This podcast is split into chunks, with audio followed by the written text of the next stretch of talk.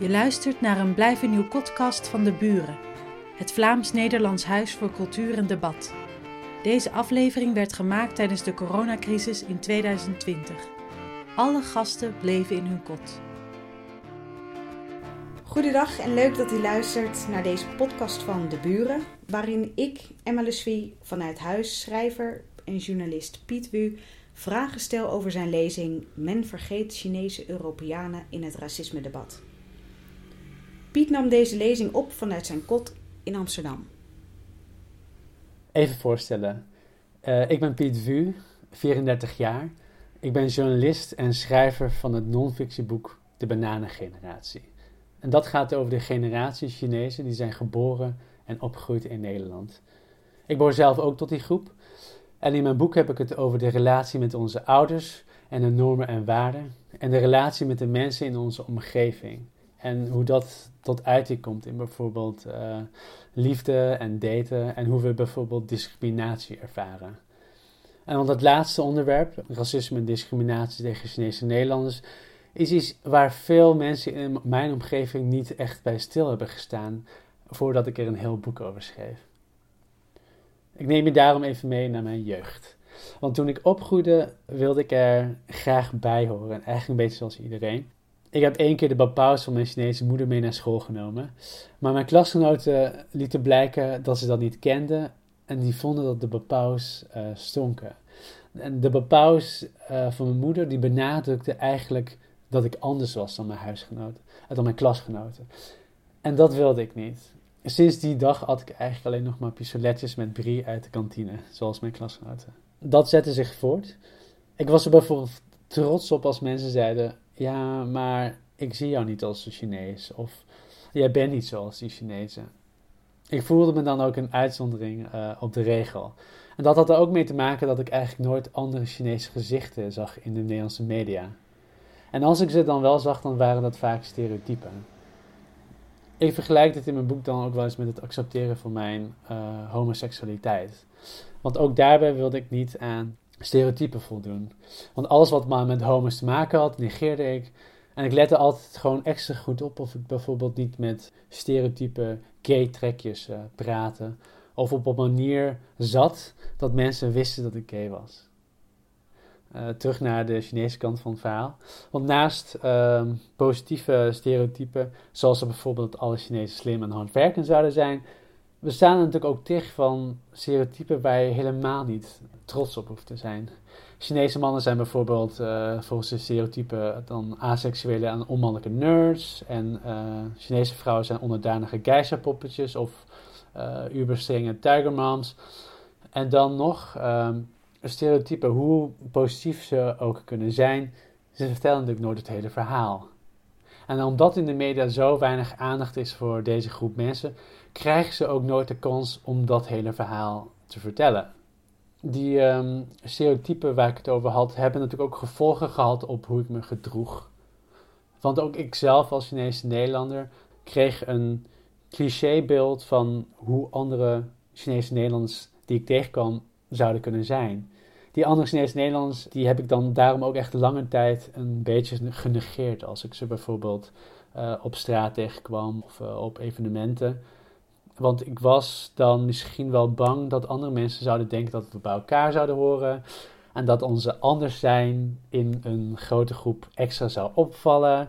En dat ze dan mij zouden associëren met de stereotypen die er bestaan. En dat wilde ik natuurlijk niet. En eigenlijk een beetje zoals ik dus ook mijn homoseksualiteit probeerde te negeren. Dat soort dingen heeft natuurlijk best wel veel effect op jezelf. Dus vooral als je nog jong bent ik wilde heel graag niet mezelf zijn eigenlijk. En bovendien schaamde ik me voor iets waar ik eigenlijk helemaal niets aan kon veranderen. Namelijk mijn, uh, mijn Chinees zijn en mijn homo zijn. Ik kan hier dus ook meteen weer de parallel trekken naar mijn homo zijn. Want net als dat, dat ik dus geen Chinese vrienden had, had ik ook lange tijd geen andere homoseksuele vrienden. Want dat vond ik dus ook te confronterend. Tot ik de, de jonge Franse couchsurfer Gwen over vloer had. De kleine gestevige Gwen, die zong altijd op het matrassen waarop ik hem liet slapen, zong hij mee met uh, Glee coverliedjes. Hij uh, eindigde uh, bijna al zijn zinnen met het woord bitch.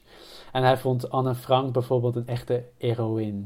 Ik bewonderde hem heel erg, want hij was zo senang met zichzelf en met hoe hij overkwam op anderen. Gwen en ik deelden ook meteen andere dingen zonder dat we elkaar echt, nog echt kenden. Dus bijvoorbeeld onze coming-out verhalen, onze kijk op de wereld als underdogs en onze reacties op reacties uh, van de buitenwereld. En niet lang na onze ontmoeting durfde ik dus ook daadwerkelijk uit de kast te komen voor mijn vrienden. Dit is dus hoe belangrijk het kan zijn om met mensen in contact te komen of mensen te zien die zijn zoals jij. Daarom was voor mijzelf de weg die resulteerde in het boek De Bananengeneratie heel erg belangrijk. Ik heb voor dit boek heb ik 45 lange gesprekken gehad met andere Nederlanders van Chinese afkomst. Waarbij ik dan meteen uh, de diepte indook dat waren zoveel verschillende mensen. Uh, ik sprak met een uh, klimaatwetenschapper, een influencer, illustrator, een fotograaf, een weddingplanner, een predikant, een psycholoog, een steward. En allemaal voldeden ze dus niet aan de stereotypen die ik dus in mijn hoofd had over Chinese Nederlanders. Dus deze uh, eh, 45 gesprekken hielpen mij heel erg bij het vormen van een ander beeld van wat de Chinese Nederlander kan zijn. En daarmee dus ook het slopen van mijn eigen stereotypen. Maar volgens mij stopt het daar niet. Want het is volgens mij ook belangrijk dat andere mensen in contact komen met mensen die niet zijn zoals zij. Volgens de uh, contacthypothese van assistent-professor in de sociologie Daniel Della Posta van de Pennsylvania State University accepteren we homoseksualiteit en homorechten sneller wanneer we iemand persoonlijk beter leren kennen die homo of lesbisch is. Dus, dus ik dacht, zou het dan ook kunnen betekenen dat we bijvoorbeeld sneller zouden opkomen voor Chinese en andere Oost-Aziatische Nederlanders wanneer zij racistisch worden bejegend wanneer deze groep zichtbaarder zouden zijn in de mainstream media. We hebben dat misschien ook wel gemerkt. Dat bleek dit jaar nogal nodig. Want het beperkte beeld dat veel mensen van Chinese en Chinese Nederlands uh, hebben, dat wordt juist gevoed door de eendimensionale stereotypen op tv en in films. En dat geeft weer bodem voor discriminatie. Denk bijvoorbeeld aan de grappen die werden gemaakt tegen Chinese Nederlanders sinds het coronavirus uitbrak eerder dit jaar. Chinezen werden in Nederland en publiek uitgescholden.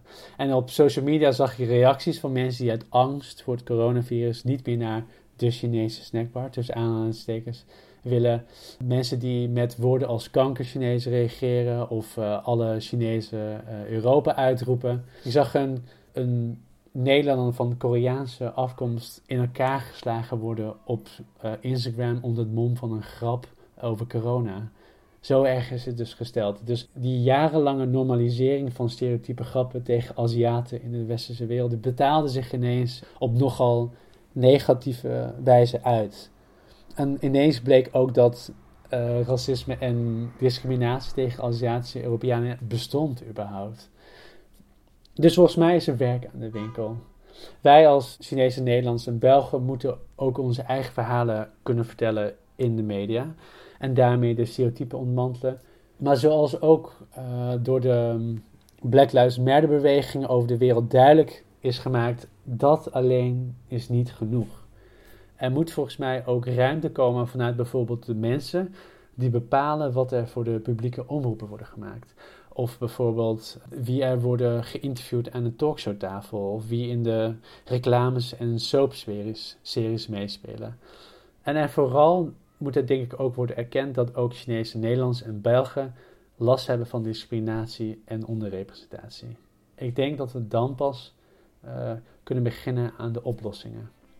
Ik pleit daarom vandaag voor betere representatie en zichtbaarheid zodat de generatie Chinese Nederlands en Belgen na mij wel gewoon de bepaals van mijn moeder mee naar school durven nemen.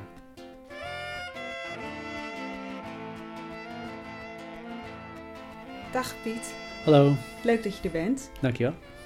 Ja, normaal zouden we dit gesprek opnemen via onze computers, geheel coronaproof. Maar ik heb Piet toch bij mij thuis uitgenodigd omdat ik hem al een hele tijd niet had gezien. En even ter introductie.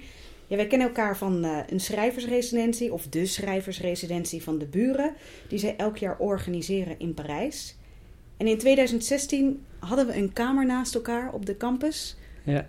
ik in kamer 210 en jij 211? Ja, zoiets. En destijds deed Piet een onderzoek naar tweede generatie Chinese Europeanen. En daarvoor ging hij onder andere naar de wijk Belleville. En de interviews die hij daar deed zijn misschien wel de basis geweest voor zijn verdere carrière als schrijver. Nou, ik spreek je natuurlijk veel op de app, maar hoe gaat het met je? Uh, ja, ik mag natuurlijk niet zeggen druk, maar eigenlijk toch best wel druk geweest. Afgelopen jaar vooral natuurlijk. En ik ben er eigenlijk best wel een beetje moe van. Maar ik vind heel veel delen eraan ook best wel leuk. Dus ja. Ja, je bent eigenlijk een mazzelkont dat je tijdens de coronacrisis gewoon nog werk had ja. en hebt. Ja, ik zat, uh, was bezig met het monteren van de serie natuurlijk voor de VPRO. Dus uh, ik heb wel mijn eerste negen weken goed vermaakt. Want vertel, de, vorig jaar kwam je boek uit. Ja, oktober. En toen vlogen alle media daar eigenlijk op af, toch? Ja, zeker. Uh, een beetje onverwachts, ook, maar ook een beetje verwacht. Ik wist wel dat er bijvoorbeeld niet zoveel werd geschreven überhaupt over tweede generatie Chinese Nederlanders. Voor mij was het wel duidelijk dat daar in geval in de grote media nog aandacht voor uh, besteed moest worden. En dat gebeurde gelukkig ook. Ja. Dus ja. Want Parijs was eigenlijk een belangrijke omslag voor jou. Kunnen we dat uh, zo zeggen? Want ik weet nog goed dat je uh, zei toen destijds... ik ben absoluut geen schrijver. Ik ben een journalist, maar ik ben geen schrijver.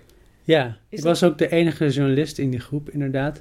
Maar, en ik kan wel echt oprecht zeggen dat de schrijfresidentie van de buren mij echt... Ik heb zeg, zeg ook meerdere malen in de media, maar dat heeft echt mijn leven veranderd. Ik schreef daar en zowel een reportage inderdaad, wat je noemde in Belleville... Uh, over de Chinese uh, Fransen. En uh, ik schreef daar ook voor het eerst een fictieverhaal. En dat fictieverhaal werd gepubliceerd in een literair magazine, De Gids. En daardoor werd ik opgepikt door mijn huidige uitgeverij Das Mag, waar ik dan ook weer een fictieverhaal mocht schrijven. En toen heb ik ook nog eens uh, een boekcontact gekregen waarin ik dus dat, uh, de, reportage in Belleville heb verwerkt. Dus dat, Belleville staat dus ook in mijn boek, De Bananengeneratie. Dus ja. Dus het was echt een kantelpunt. Ja, omdat ik uh, toen eigenlijk ontdekte van en ik vind fictie schrijven leuk en ik kan ook wat langers schrijven, zeg maar. Ik wist daarvoor, dacht ik meer van, ja oké, okay, ik schrijf gewoon reportages als journalist en dat was het. En nu heb ik ontdekt dat ik dus ook iets langers kan schrijven. En je zegt fictie schrijven, heel erg leuk, maar toch debuteerde je met een non-fictieboek. Ja, heeft, dat heeft verschillende redenen. Ik denk, dacht sowieso, uh, ik ben sinds 2013 meer gaan schrijven over mijn eigen identiteit. Daarvoor wilde ik zo heel graag objectief blijven. Dus ik wilde gewoon zo min mogelijk over bijvoorbeeld mijn eigen seksualiteit of uh, mijn etniciteit schrijven. Maar in eind 2013 deed ik dat voor het eerst. Dat was toen dus uh, de Nederlandse zanger Gordon een Chinese kandidaat belachelijk maakte in de talentshow uh, Holland's Got Talent. En toen dacht ik, hoe kan zo'n publiek iemand op zo'n casual manier iemand van een andere etniciteit uh, belachelijk maken. En dan met name in dit geval mijn etniciteit. Dus ja, want even, even terughalen, want er luisteren natuurlijk veel mensen uit België mee. Wie is Gordon? Gordon is een van de bekendste zangers in Nederland en ook publiek figuur. Hij, is, uh, hij speelt veel mee in reality-series en hij is ook presentator. Uh. En wat zei hij toen in die talentshow?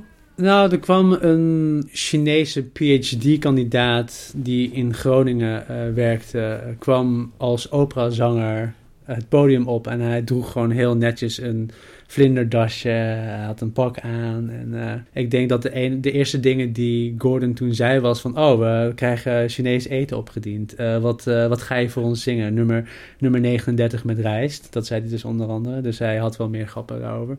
En toen ik dat zag, net als heel veel mensen in Nederland... Dat, dat programma wordt echt heel goed bekeken. Toen dacht ik dit vloept er gewoon zomaar uit en iedereen lacht erom alsof dat gewoon kan of zo. Is dat omdat hij er Aziatisch uitziet? Ik dacht, wat gek dat mensen zo makkelijk een grens overgaan wanneer het om Aziaten gaat. En dat je dan daar niet eens echt beschaamd om bent omdat het een grapje is of zo. Terwijl ik dacht ook al meteen, als je, nu als je zo'n grap had gemaakt over bijvoorbeeld Joden of over zwarte mensen dan, had, dan was hij echt gewoon door slijk gehaald. En nu viel dan ineens wel weer mee of zo. Dus ik schreef toen destijds voor uh, Vice, dat was een van mijn eerste werkgevers als uh, freelance journalist, schreef toen een artikel waarin ik dus eigenlijk als een Chinees-Nederlandse journalist vroeg aan andere Aziatische Nederlanders: wat vond, wat vond je eigenlijk van ja, dat Gordon-incident, noemde ik het toen maar. want ik wilde eigenlijk ook zelf even peilen bij andere mensen die er ook Aziatisch uitzagen van hoe voel je daarbij? Is dat, vind je dat ook grappig of uh, heb je daar wat sterkere negatieve gevoelens bij. Dus uh, zo begon dat eigenlijk. Zo dat zijn was, die gesprekken, die eerste gesprekken, naar aanleiding van je boek ontstaan. Da, ja, dat was toen voor het eerst dat ik vanuit mezelf als Chinese Nederlander andere mensen bevroeg van hoe is dat eigenlijk? Want ik merkte ook dat ik bijvoorbeeld zelf bijna geen andere Aziatische Nederlanders kende in mijn eigen directe omgeving. Dus ik kon dat ook niet zo peilen. Van, hmm, ik voelde, voel dat het niet klopt, maar uh, hoe uh, kan ik dat testen of zo? En zo begon het eigenlijk een beetje. Nou, daar kwam die, je debuut, de bananengeneratie. Ja. Maar Piet, we hebben toch heel lang gedaan om af te komen van de bounty. En nu hebben we de banaan. Ja. Uh, eerst misschien even uitleggen, wat is een banaan? Ja, volgens mijn moeder, die noemde mij vroeger altijd een banaan. Die zei altijd van, je bent en je kunt wel zo uh, Nederlands doen als je wilt, zeg maar. Dus wit van binnen. Maar je ziet er voor, voor, mij altijd uit als een Aziat. Dus zeg maar geel van buiten. Dus je bent echt een banaan. Er is ook wel kritiek op gekomen, inderdaad. Uh, dat ik een paar keer het woord banaan heb genoemd. Wanneer ik verwees naar iemand van Aziatische afkomst die dan zichzelf echt Nederlands voelde. Uh, en ik begrijp die kritiek ook. Maar voor mij was het nog steeds dat er nog geen negatieve connotatie bestaat met het woord banaan in verhouding tot Aziatische Europeanen. Het is anders dan bounty. Nou, volgens mij, bounty, dan heb je er meteen al een negatief beeld bij of zo. Terwijl niemand het woord banaan nog kende. In Nederland is gewoon niet. Ik denk dat de, meest gestelde vraag in interviews is: wat is eigenlijk een banaan? Wat bedoel je daarmee? Toen dacht ik, ja, dat staat op de achterkant van mijn boek. Maar ik weet ook, daardoor merkte ik al van ja, zolang je er zelf niks negatiefs van uh, maakt of zo. Dus niemand heeft me ooit uitgescholden voor banaan bijvoorbeeld. Voor mijn moeder was het een koosnaampje. Dan valt het nog mee. Maar ik heb wel dus ook kritiek gehad van Aziaten, zeg maar, die dus niet Nederlands zijn, die het wel een soort van belediging vinden, omdat als je bijvoorbeeld in China woont en je wordt de banaan genoemd, dan bedoelen ze eigenlijk, oh ja, maar je bent zo verwesten dat je hier niet meer past of zo. Terwijl ik het juist gebruik van, ik wil juist hier wel bij passen, maar mensen zien me niet zo. Dus dan, vandaar dus een banaan. Dus ja. En zegt jouw moeder banaan in het Nederlands? Nee, nee, nee. nee. Wat, wat is het Chinese woord ervoor? Oh, wauw, dat is een hele goede vraag. Mijn kennis van de taal van mijn, ouders is echt, echt al... Uh, ach, wat is het ook alweer? Ik heb een woord in mijn hoofd, maar ik weet zeker dat dat peer is. uh, nee, ik weet het niet meer. Ik denk als zodra ik uh, thuis in Tilburg kom bij mijn ouders en ik zie een banaan liggen, dan weet ik wel het woord weer. Maar nu denk ik, ik heb geen idee. Ik, kom, ik zit gewoon in zo'n andere omgeving. Het werkt zo niet. Je bent opgegroeid in Tilburg. Ja. Voor maar je bent geboren in Zeeland. Ja. En je ouders hebben daar uh, in Tilburg een snackbar. Een snackbar. Uh, de vriendschap. Ja. Al een hele tijd, hè? Hoe lang nu? Dit, was hun zes, dit wordt hun 26e jaar. En ze gaan binnenkort uh, met pensioen. Ja. Althans, was de bedoeling dat, toch? Naar Rotterdam verhuizen? Ja, het was, ze, ze, hebben al, ik denk, acht jaar een plan om te verhuizen. Maar uh, het is nog steeds niet van gekomen. Maar en dan tijdens je jeugd, dan keek jij vooral uh, Nederlandse televisie? Telekids, uh, Villa Achterwerk. ja. En jouw ouders keken naar de Chinese televisie? Ja, ja zodra er satelliettelevisie was, waren ze eigenlijk al weg. Dus er was sowieso een taalkloof, ook tussen jullie. Ja, mijn ouders die werkten natuurlijk nou ja, 80 uur per week ongeveer. Als in, ze hebben een eigen zaak die draait gewoon van 12 tot 12 en met opruimen erbij, et cetera. Dan blijft er gewoon niet zoveel tijd over om je kinderen, veel met je kinderen te zijn. En wij merken dat vooral als kinderen dat wij bijvoorbeeld... Uh, met elkaar Nederlands begon te praten. Omdat het gewoon, dat is de taal die je sprak op school. En dan was het gewoon makkelijk om dat ook te spreken met elkaar. Weet je wel? Dus, en omdat we geen nieuwe woorden of uh, zinsconstructies of whatever uh, bijleerden van onze ouders. Ik spreek de taal van mijn ouders gewoon niet heel goed meer. Ik kan het nog wel een beetje verstaan, en, maar het bleef gewoon op een soort van kinderniveau steken. Dus ja, ik zou met mijn ouders niet uh, een diep filosofisch gesprek kunnen voeren of, een, of over politiek kunnen praten in hun taal bijvoorbeeld. Nee, maar het is natuurlijk een grote ding dat je een boek schrijft in het Nederlands. Ja. Hebben zij dit kunnen lezen? Hebben zij dit meegekregen wat jij hebt opgeschreven? Mijn moeder kan nog iets beter Nederlands dan mijn vader. En ze vond het natuurlijk, ze vond het niet zo leuk. Dus het boek gaat natuurlijk voor een deel ook heel veel over hoe mijn blik is gevormd door uh, de migratie van mijn ouders. Dus naast dat ik dus 45 andere Chinees-Nederlands heb gesproken, gaat het boek heel erg veel over hoe ik word gezien door anderen en hoe ik dan bijvoorbeeld andere Chinese Nederlanders zie bijvoorbeeld. En dus ook hoe ik bijvoorbeeld mijn ouders en hun opvoeding uh, in een bepaald kader probeer te zetten. En ik denk gewoon dat het nooit echt leuk is als je als ouder dan ineens heel erg wordt geanalyseerd op hoe jij, terwijl jij denkt dat je iemand op de juiste manier hebt opgevoed of zo. En terwijl ik juist in het boek probeer te zeggen, het is niet een juiste manier, er zijn andere manieren. Ik, uh, mijn ouders zijn natuurlijk heel erg uh, op een manier heel erg traditioneel zoals ik ze zie. Maar zij vinden zichzelf bijvoorbeeld helemaal niet Chinees traditioneel. Vandaar dat het, uh, mijn moeder dus bijvoorbeeld het boek niet heeft uitgelezen. Dus vond het te zwaar. Is dat nog steeds een pijnlijk onderwerp? Of Um, nou, ze stuurt nog wel eens uh, appjes van... zou je alsjeblieft niet dit privé dingetje op Facebook willen zetten? Dat komt omdat ik een buurvrouw... Uh, ouders hebben een buurvrouw die mij op Facebook volgt... en die, die zegt dan meteen... die rent meteen, zodra ik iets heb gepost op Facebook... rent ze meteen naar de cafetaria van mijn ouders... en dan zegt ze... hey, uh, wauw, je zoon was op tv en zei dit... En mijn, en mijn ouders van... Huh?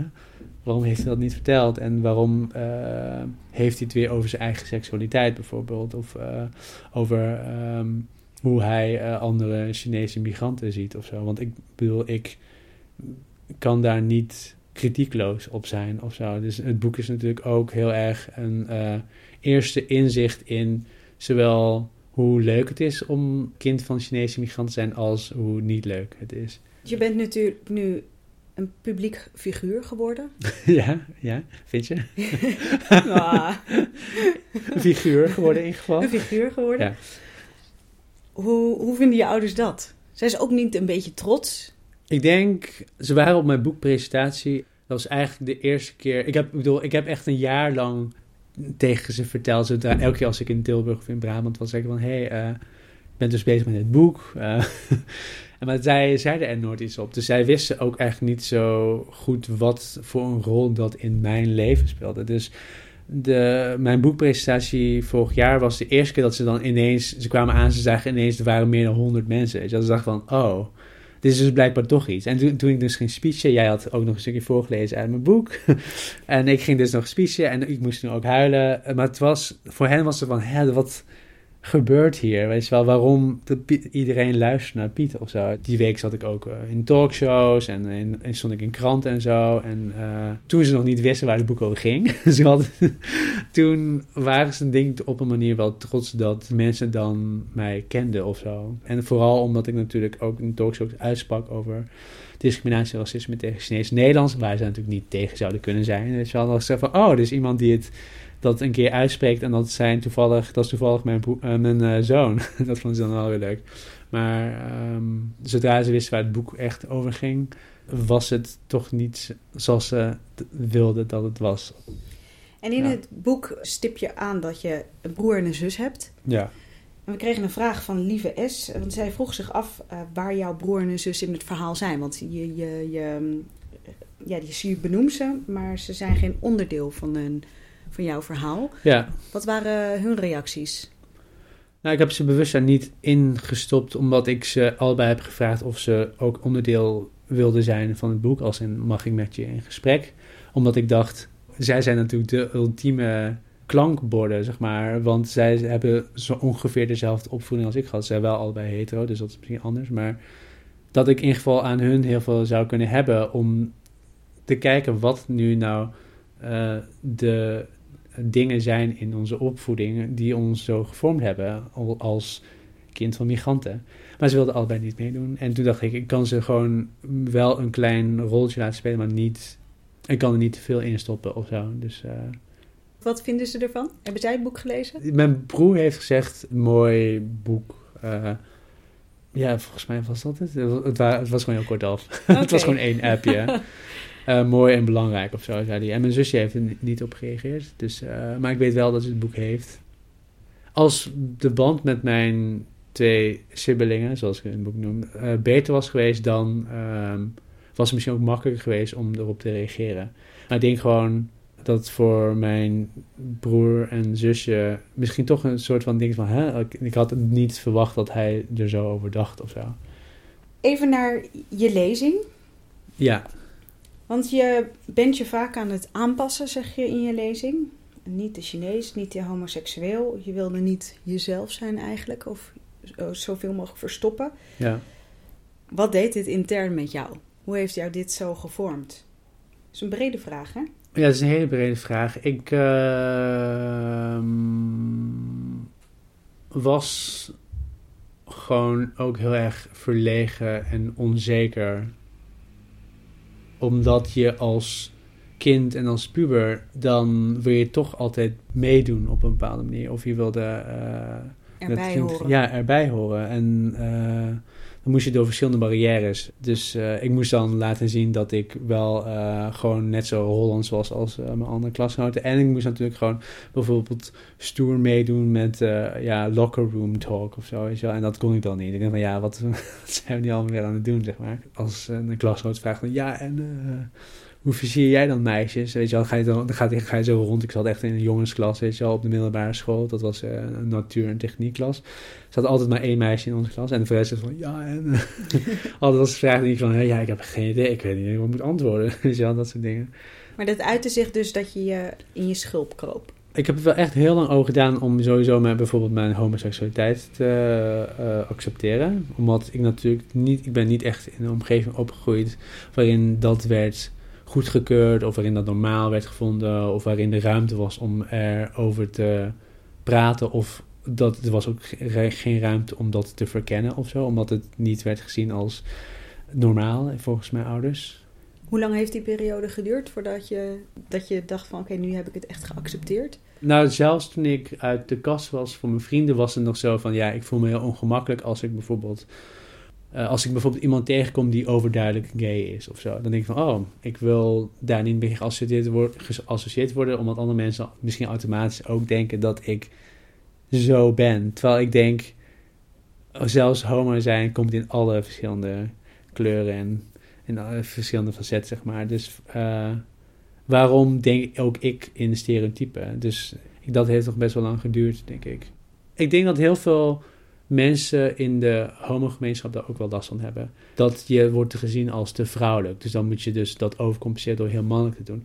En dat heeft bijvoorbeeld weer als gevolg dat uh, bijvoorbeeld Aziatische mannen in de homogemeenschap worden altijd gezien als vrouwelijk, omdat zij al op die manier worden, worden weggezet in stereotypen van die zijn niet stoer of zo. Dus in de homogemeenschap bot je tegen die stereotypen aan. Ja, daarin word je eigenlijk nog extra, heb je nog echt een extra soort van laag van discriminatie, omdat uh, je mag dan al niet vrouwelijk zijn, maar dan mag je ook nog niet eigenlijk niet uh, Aziatisch zijn. Schrijf je daar ook over?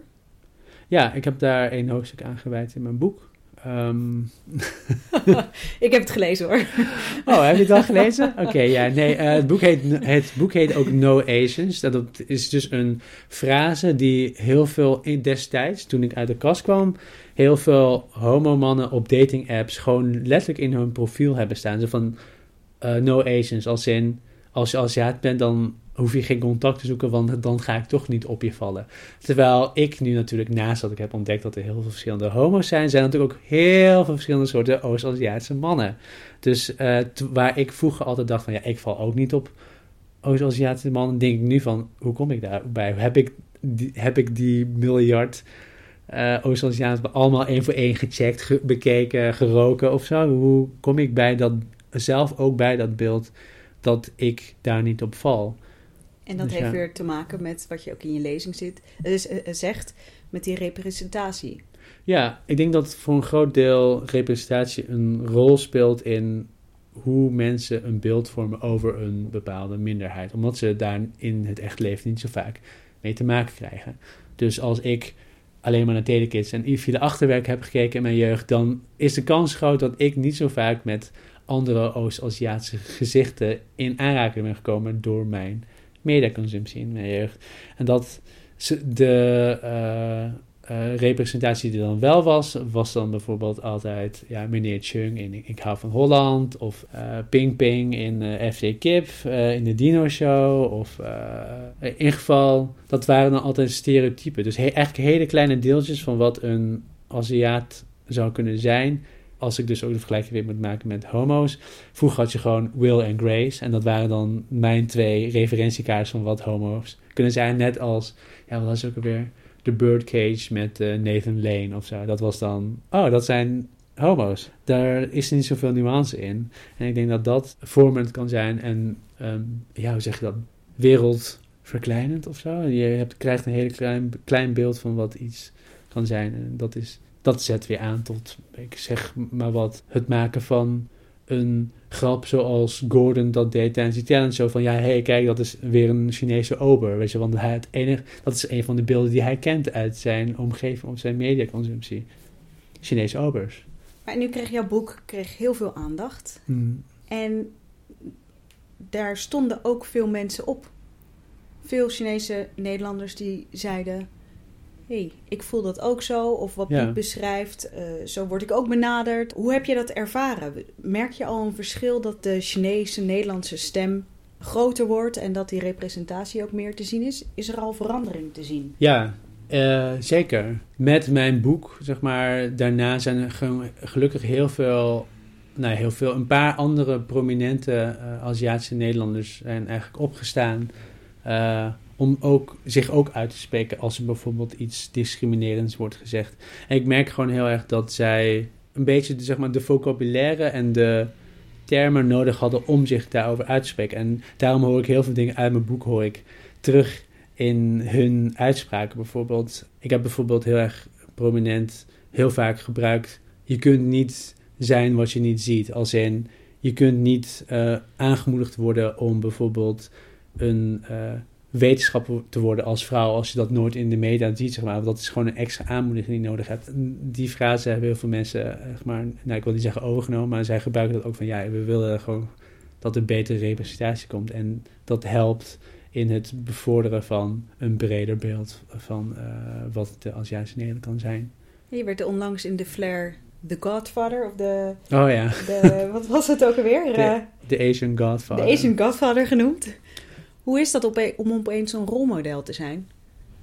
Wacht, sorry, dat was in Flair België, was dat toch? Ja. Oh, Flair België. Ja, dat was Flair België. Omdat zij, uh, omdat uh, ik heb, heb, ook in België een deel van mijn boek geschreven. Ja. En daarin merkte ik al in gesprekken met andere uh, Chinese Belgen dat zij eigenlijk helemaal nog niet zo bezig zijn met dit gesprek.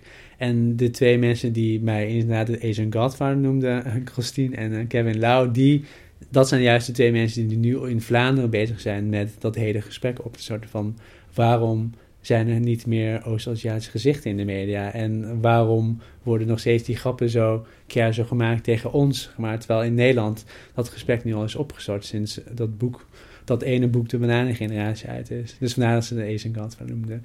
En dat bemoedigt mij natuurlijk heel erg in mijn rol. En dan wil ik heel graag een rolmodel zijn, omdat je dan echt merkt dat uh, mensen worden aangemoedigd om iets te willen veranderen ten goede van waar ik al een heel boek over heb geschreven. Dus ja. Dus dat balletje rolt verder.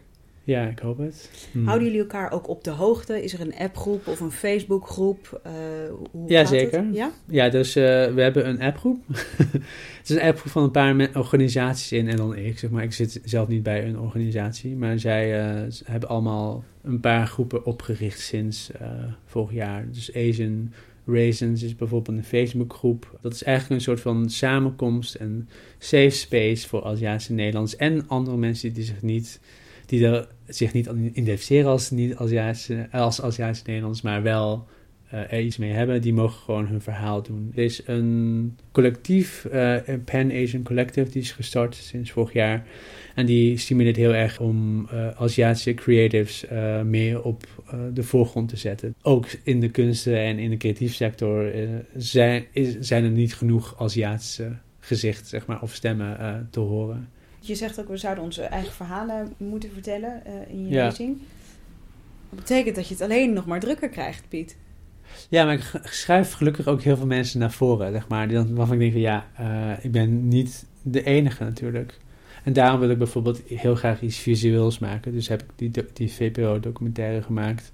Omdat ik, ja, je kunt met een boek, kun je maar tot op een zekere hoogte diversiteit laten zien. En dan weer natuurlijk al die gezichten zien en laten zien hoe verschillend zij zijn en wat voor verschillende dingen zij doen en hoe verschillend zij denken. Een volgende stap zou bijvoorbeeld om nog ook weer iets visueels te maken.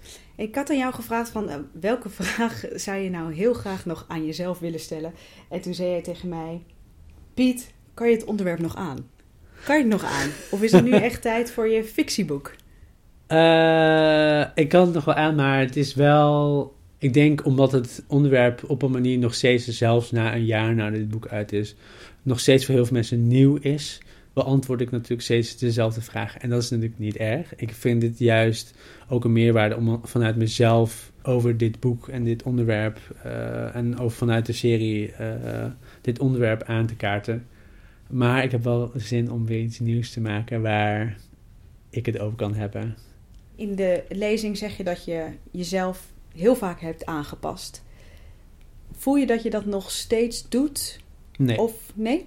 Nee. Maar je zegt het heel duidelijk. Ja, ik vond laatst toevallig de uh, dagboeken terug uh, die ik schreef in de eerste jaren van mijn universiteitstijd. En dat was natuurlijk de tijd dat ik en verhuisd uit mijn ouderlijk huis. Dus ik kon op een manier meer mezelf zijn. Omdat ik thuis moest ik me natuurlijk aanpassen aan... ik ben heel erg Chinees en ik ben gewoon lekker hetero. Ik ga later trouwen met een Chinese vrouw. Naar een omgeving waarin... het maakte niet uit uh, op wie ik viel of whatever.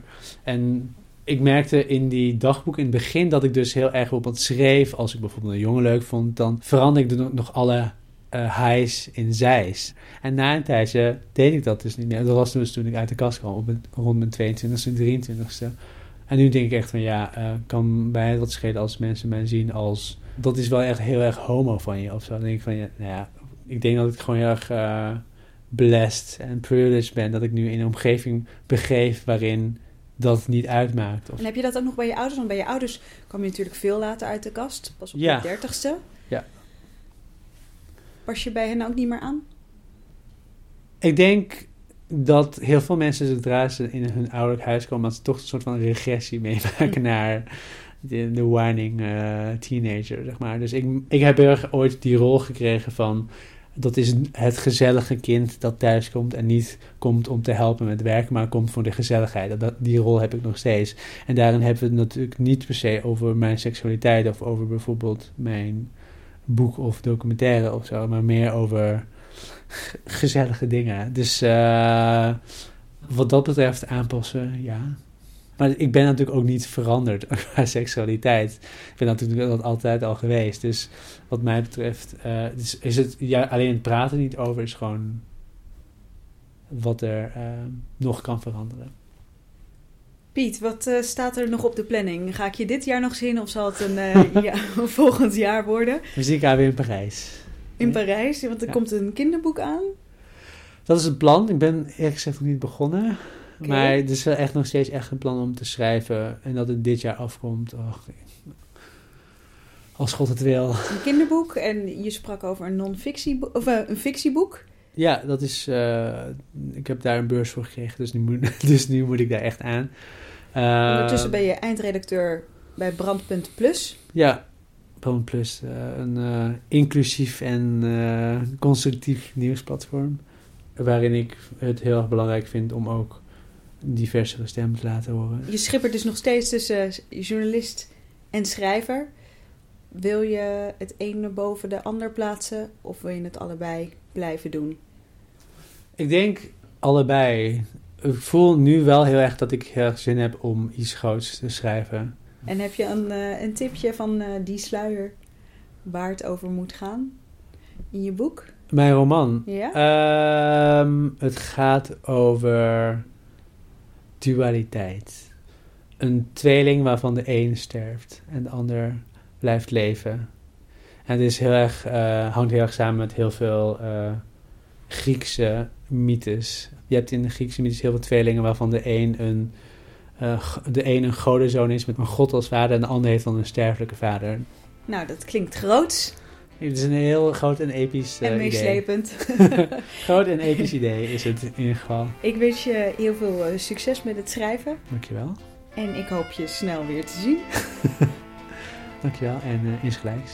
De volgende keer dan spreek ik Simone van Saarloos naar aanleiding van haar essay Herdenken herdacht. En zij heeft daar een lezing over geschreven. Dat gaan we de volgende keer bespreken. Ik hoop dat u luistert. Doei! Bedankt voor het luisteren naar deze Blijf in podcast. Ontdek meer via het podcastkanaal of de Soundcloud van de Buren.